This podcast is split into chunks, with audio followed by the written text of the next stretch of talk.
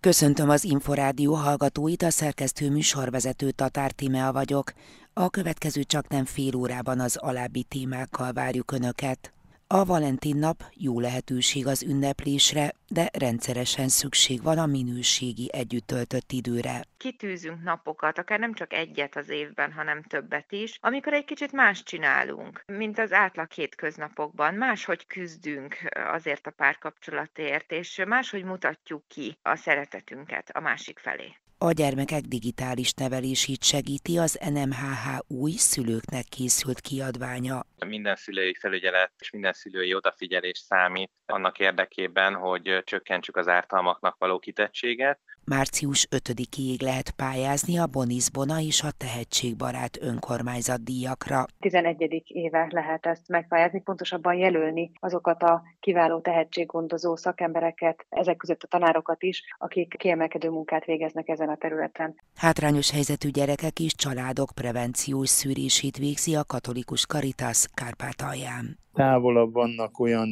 egészségügyi intézmények, ahová elmehetnének. Korábban sem volt jó az orvosi ellátás, de most a háború miatt ez még nehezebb. Egy kapcsolat nem csak úgy van, minden nap meg kell dolgozni érte, minden nap építeni kell, és lelkiekben sok erőfeszítést kell tenni azért, hogy fennmaradjon, mondja Halmelinda, klinikai szakpszichológus. A Kopmária Intézet a népesedésért és a családokért tanácsadója szerint ez minden kapcsolatra igaz, legyen szó párkapcsolatról, anya-gyermek kapcsolatról vagy barátságról.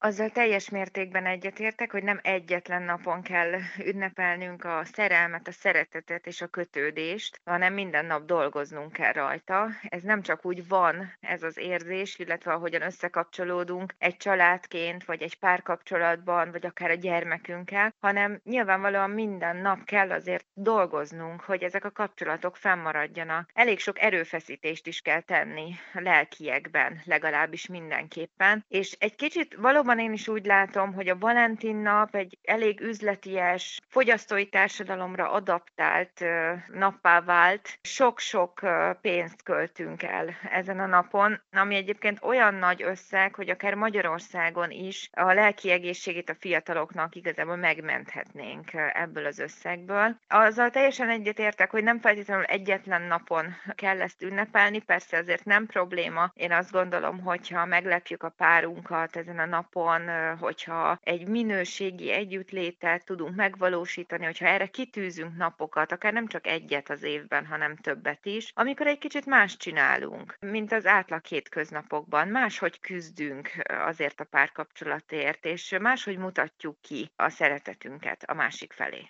Mennyire nehéz nap mint nap építkezni így a kapcsolat terén, hiszen azért az embert leköti a munka, leköti a gyereknevelés, lekötik az egyéb teendők, Hogyha megnézzük a házasságkötések számát, természetesen a vállásoknak a számát, egyáltalán a családoknak a számát, illetve a gyermek születéseket, akkor már ebből levonhatjuk a következtetést, hogy nem olyan egyszerű fenntartani egy tartós kapcsolatot, abban kiteljesedni, önmegvalósítani, és közben a másikra is figyelni. Tehát nagyon-nagyon sok lelki terhet is jelent egy párkapcsolat. Én viszont mindig azt szoktam mondani, hogy ne a negatívumokra koncentráljunk, hanem arra sok-sok pozitívumra, amit egy kapcsolat, egy személyes kapcsolat egyáltalán adhat. Ez egyébként egy barátság is lehet, és arra is igaz. A társas kapcsolatok, a szociális kapcsolatok a való életben nagyon fontos lelki védőpajzsot tudnak képezni, akár betegségekkel szemben, hormonális változásokat idéznek elő, amelyek megvédenek minket, mind a fizikai, mind pedig a lelki, klinikai szintű problémáktól, nehézségektől. Így például a hangulatzavaroknál, a szorongásos zavaroknál nagyon is meg lehet említeni azt, hogy a társas kapcsolat önmagában védő pajzsot tud jelenteni a számunkra. Ezért is érdemes ezt az egészet folytatni, kitartani, mindig is belefektetni még egy kis energiát, valahogyan mozgósítani azokat a, a fáradt hétköznapokon is azokat a a nehezen mozgósítható erőforrásokat, amik egyébként ott lappanganak a lelkünkben, ott lappanganak a személyiség struktúráinkban, illetve a mély lélektani kérdésekben. Hogy ezeket hogyan lehet mozgósítani, az inkább a nagy kérdés általában hogyan tudunk kijönni egy olyan helyzetből, amikor konfliktusokkal, gyászsal küzdünk, veszteségélményekkel, amelyek az emberi természetnek és az emberi életnek természetes folyamatai. Nagyon nehéz ezekben a helyzetekben, ugye szakemberként is beavatkozni, de mindenkinek azt javaslom, hogy mielőtt feladná, inkább koncentráljon a pozitívumokra, hogy miért érdemes kitartani, és miért érdemes ezeket az erőforrásokat mozgósítani. Nagyon sok olyan technikát tudunk tanítani, az életmódváltástól kezdve a fizikai aktivitásig, a közös minőségi együttlétig, vagy akár egyáltalán, hogyha említjük a digitális és mindenféle kütyüknek a mellőzését bizonyos időszakokban és korlátozását. Nagyon sok olyan technikát tudunk javasolni, amelyek megmenthetnek egy párkapcsolatot, illetve az erőforrás aktiválása mentálhigiénés szempontból rendkívül fontosak. Ugye a magyar nyelven is vannak ilyen kifejezéseink, hogy a nő őrzi a családi tűzhelyet, hogy a nő a család összetartó ereje. Mennyire lehet csak a nő vállára tenni ennek az építkezésnek, kapcsolatépítésnek, fenntartásnak a terhét? Már a pszichológia tudománya egyértelműen rendszer szemléletben gondolkozik. Tehát egy-egy személyt nagyon nehéz kiemelni mondjuk egy családi közösségből, hogy ki az, aki és milyen szerepeket visz magával. De azért azt meg kell említenem, hogy a férfi idegrendszer és agyterületek és a női idegrendszer és agyterületek között elég nagy különbség van. Én szimbolikusan értelmezem ezt a kifejezést, és inkább úgy érzem, hogy hogy az érzelmi életnek az őrzője valahol a nő, éppen azért, mert az agyterületi húzalozás is más, mint a férfiak esetében. Szenzitívebben, érzékenyebben képes reagálni apróbb helyzetekre, amik mondjuk személyközi konfliktusokban nyilvánulnak meg. Lehetséges, hogy ehhez szükséges az a fajta gondoskodás, egy más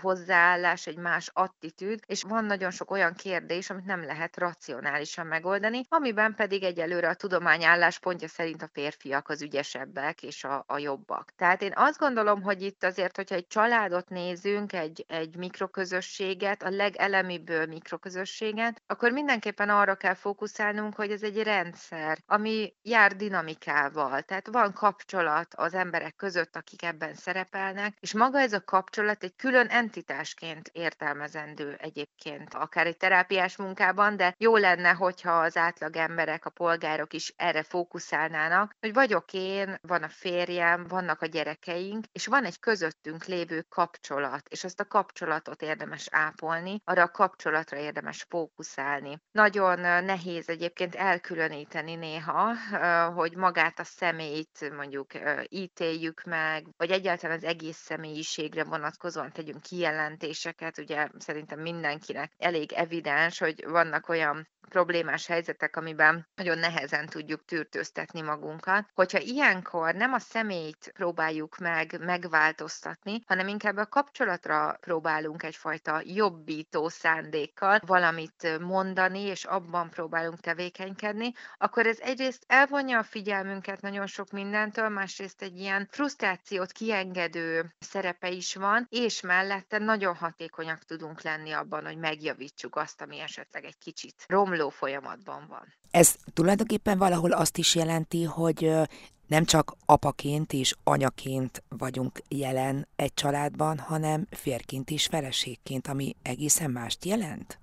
Szerepeink igen változatosak, még egy családon belül is. A kliensek számos alkalommal érkeznek olyan nehézséggel, hogy elvesznek mondjuk egy szerepükben, például az anyaságban, vagy a férfiak esetében az apaságban, és hogy nem érzik a nőiességüket, nem tudják ezt már megmutatni a gyermek születése után, vagy akár több gyermek születése után, hogy elvesznek valahol abban, hogy ők nők is, és ezt is muszáj megélni, és ezt a szerepet is érdemes gyakorolni gyakorolni. Természetesen ehhez a párnak a másik fele aktívan érdemes, hogy hozzájáruljon. És én mindenkinek azt szoktam javasolni, hogy próbáljunk ezek a szerepek között valamiféle egyensúlyt felállítani. Éppen a Valentin nap kapcsán ugye sokan elmennek egy vacsorára, kicsit más csinálnak, mint a, a hétköznapi gyermeknevelési kérdések. Érdemes ezeket a különleges alkalmakat arra tartogatni, hogy a többi szerepünkben is helytálljunk, ne csak anyaként és apa munkaként. A család azért akkor fog jól funkcionálni, hogyha minden szerepünkben elég jól teljesítünk. Nem tökéletesen, de elég jól. Nyilván dolgozó emberek is vagyunk, és ott is számos konfliktus, probléma és nehézség érkezhet az életünkbe. Tehát ezekben a szerepekben is az elég jóra próbáljunk törekedni, amellett, hogy érdemes utána járni, hogyha valamit úgy érzünk, hogy már húzamosabb ideje nem érezzük jól magunkat egy-egy szerepben egyáltalán nem érdemes feladni, sokszor tudunk segíteni egyébként olyan dinamikai problémákban, amelyeknél már tényleg azt mondják a felek, hogy nem feltétlenül szeretnék folytatni azt a kapcsolatot, esetleg a családból való kilépés is felmerül. Azért hozzá kell tennem, hogy ez a fiatalokra is lehet jellemző. Tehát itt nem kizárólag a párkapcsolatokról beszélünk, hanem ugye az önállósodási törekvésből fakadó, rendben, akkor nem bírom már ezt a családot elviselni, és akkor sok-sok fiatal fiatal jön azzal, hogy, hogy muszáj kilépnie ebből a családból. Szerintem nem kilépni kell, ez legyen az utolsó pont tényleg minden egyes probléma esetén, hanem inkább megjavítani és átállni egy másik működésmódra. Ebben nagyon sokat tudunk szakemberként segíteni, és szerencsére a tapasztalataim is azt mutatják, hogy ha valaki segítséget kér, akkor kap is, és általában meg is menthetőek bizonyos kapcsolatok. Nagyon nehéz egyébként azt a hullámvasutat el elviselni húzamosabb ideig, hogy egyszer az egyik van rosszabb állapotban, egyszer a másik, egyszer éppen a gyerkőccel van valami olyan dolog, ami megrendíti mind a két szülőt. Nagyon nehéz tehát ezen valamiféle egyensúlyi állapotot beállítani. Úgyhogy érdemes a szorongásunkat csökkenteni, azt a nyomást csökkenteni, hogy tökéletesen kell mindent elvégezni. Nem azt mondom, hogy egyébként lejjebb adni érdemes, de mindenképpen a megelégedés érzésére fókuszálni, hogy mi történik akkor, amikor egyébként hogy nagyjából minden a helyén van, vannak kisebb zökkenők, azokat nem felnagyítani, hanem megelégedni, és ezt átélni, a hála érzetét átélni, az egymás iránti tiszteletnek az érzetét. Hogyha ezeket az érzéseket tudjuk magunkban tudatosítani, akkor már nagyon sokat tettünk a kapcsolatunkért. Halmelinda klinikai szakpszichológust, a kincs tanácsadóját hallották. Családi Hét. Az Inforádió család és ifjúságügyi magazin műsora. Digitális útmutatóval segíti a szülőket a Nemzeti Média és Hírközlési Hatóság. Az új kiadvány a gyermekek internetes tevékenységét felügyelő szülői alkalmazásokat mutatja be, mondta az Inforádiónak az NMHH gyermekvédelmi főosztály vezetője.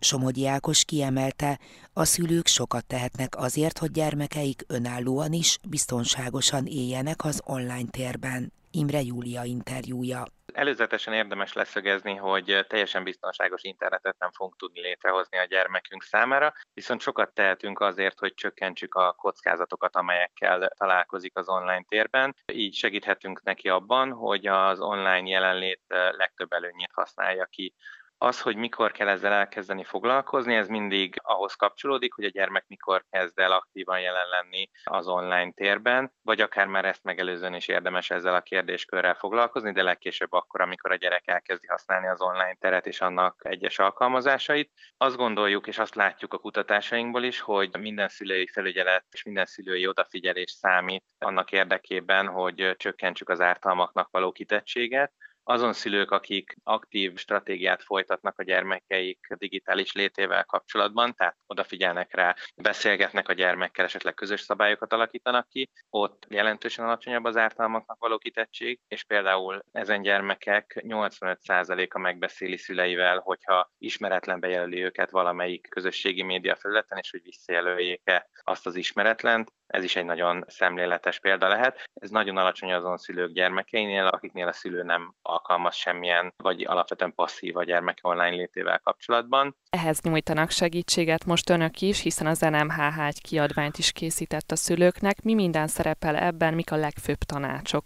A legújabb kiadványunkban, melyben a szülői felügyeleti beállításokhoz, szülői felügyeleti szoftverekhez szeretnénk tanácsokat, információt adni a szülőknek, illetve emellett megjelent még kettő darab videónk is, ahol a szülői felügyeleti beállítások elvégzéséhez nyújtunk egyszerű segítséget. Ebben a kiadványban egyrészt szeretnénk elmondani azt, hogy milyen lehetőségeket tartalmaznak ezek a beállítási módszerek, Mindenképpen arra adunk tanácsot, hogy a gyermekkel közösen alakítson ki a szülő szabályokat az online létével kapcsolatban, és hogy ezek a felügyeleti beállítások, ezek ne a megoldást jelentsék, hanem mint egy biztonsági védőháló funkcionáljanak. Egyébként ezek a szülői felügyeleti szoftverek lehetőséget adnak akár arra, hogy a gyermek képernyőidőjét monitorozzuk, vagy abban szabjunk meg korlátokat, és segítsük a gyermeket abban, hogy betartsa ezeket az időket, vagy egyébként beállíthatjuk azt is, hogy alkalmazásokat tud-e maga telepíteni, és azon belüli vásárlások engedélyhez kötöttek-e, vagy akár a hely meghatározás is egy olyan funkció lehet, amely segíthet számunkra abban, vagy a szülőknek abban, hogy tudja, hogy merre jár a gyermeke, és biztonságban tudhassa őt. Az NMHH gyermekvédelmi főosztályvezetőjét Somogyi Ákost hallották. Családi hét. Március 5-ig lehet pályázni a Bonisbona és a Tehetségbarát önkormányzat díjakra. A tehetséggondozás kiemelt szereplőinek járó elismerésre ezúttal is bárki leadhatja jelölését mondta az Inforádiónak Nagy Varga Zsúfia, fiatalokért felelős helyettes államtitkár.